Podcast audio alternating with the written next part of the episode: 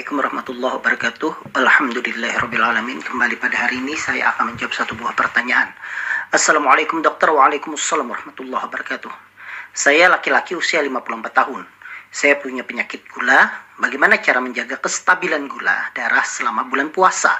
Saya khawatir akan terjadinya penurunan kadar gula darah yang terlalu rendah saat berpuasa di siang hari dan terjadi peningkatan kadar gula darah yang terlalu tinggi saat berbuka puasa? Dan bolehkah disuntik insulin saat berpuasa? Serta pada kondisi kadar gula darah seperti apa yang bolehkan membatalkan puasa? Terima kasih dok atas jawabannya. Semoga diberikan atau dibalas Allah dengan pahala yang berlimpah dari Tohari.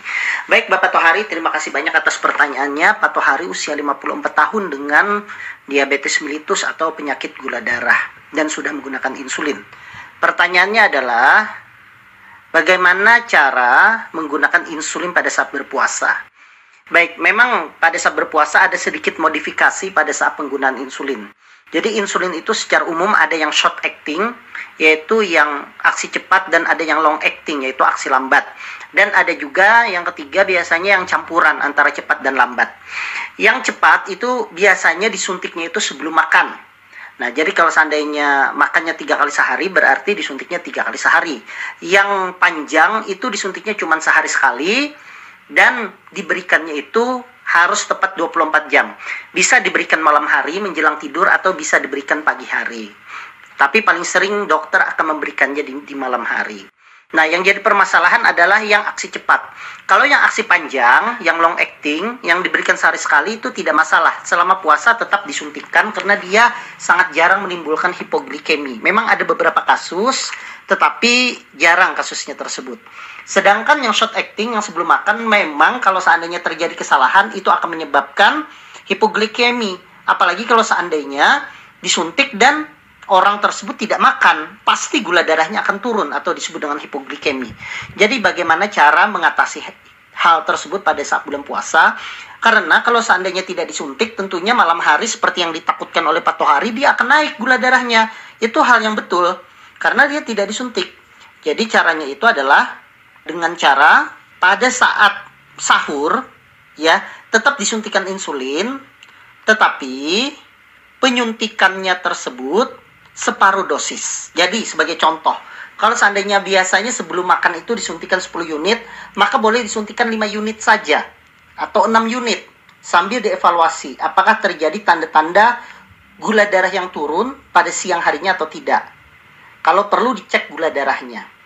Nah, kalau seandainya ternyata ada tanda-tanda gula darah yang turun pada siang harinya, maka dosisnya dituruni lagi pada saat sahur. Diturunkan lagi tapi kalau seandainya ternyata setelah dicek gula darahnya malah tinggi 200-an, berarti dosisnya dinaikkan. Bisa menjadi 7, bisa menjadi 8 seperti itu. Nah, sedangkan suntikan yang kedua itu diberikan adalah menjelang pada saat makan berbuka puasa. Jadi kalau seandainya buka puasa, kemudian makan, suntik. Dan dosisnya full. Kalau seandainya 10 unit, ya 10 unit. Nah, khawatirnya kalau makannya itu berlebih Nah, kalau makan berlebih itu yang bisa menyebabkan gula darah tinggi. Maka suntikannya pun juga harus dinaikkan, jangan hanya 10, tapi 12 unit misalnya seperti itu. Jadi maksimal menyuntiknya hanya dua kali.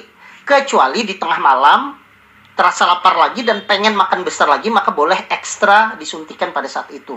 Tapi secara umum pada saat bulan Ramadan, maka suntikan yang short acting tadi, yang aksi cepat itu, diberikannya itu adalah dua kali saja. Dosis separoh setengah dosis atau bahkan uh, hanya sepertiga dosisnya saja pada saat sahur dan full dosis pada saat berbuka puasa. Nah, kemudian kondisi gula darah seperti apa yang bolehkan membatalkan puasa?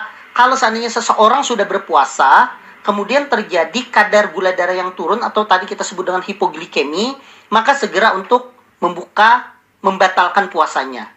Misalnya, gula darah di bawah 80 kemudian terdapat tanda-tanda keringat dingin, kemudian pandangan terasa sudah kabur, kemudian lemes, mual dan pusing, itu tanda-tanda hipoglikemia. Segera untuk berbuka. Karena kalau dibiarkan itu akan berbahaya. Gula darah yang terlalu rendah justru akan berbahaya bagi tubuh. Nah, kalau seandainya pada saat mau puasa gula darah sudah tinggi duluan, misalnya 300 atau 400, justru tidak disarankan untuk berpuasa. Karena kondisi ini justru berbahaya kepada orang yang berpuasa. karena dia bisa menimbulkan komplikasi metabolisme di dalam tubuhnya.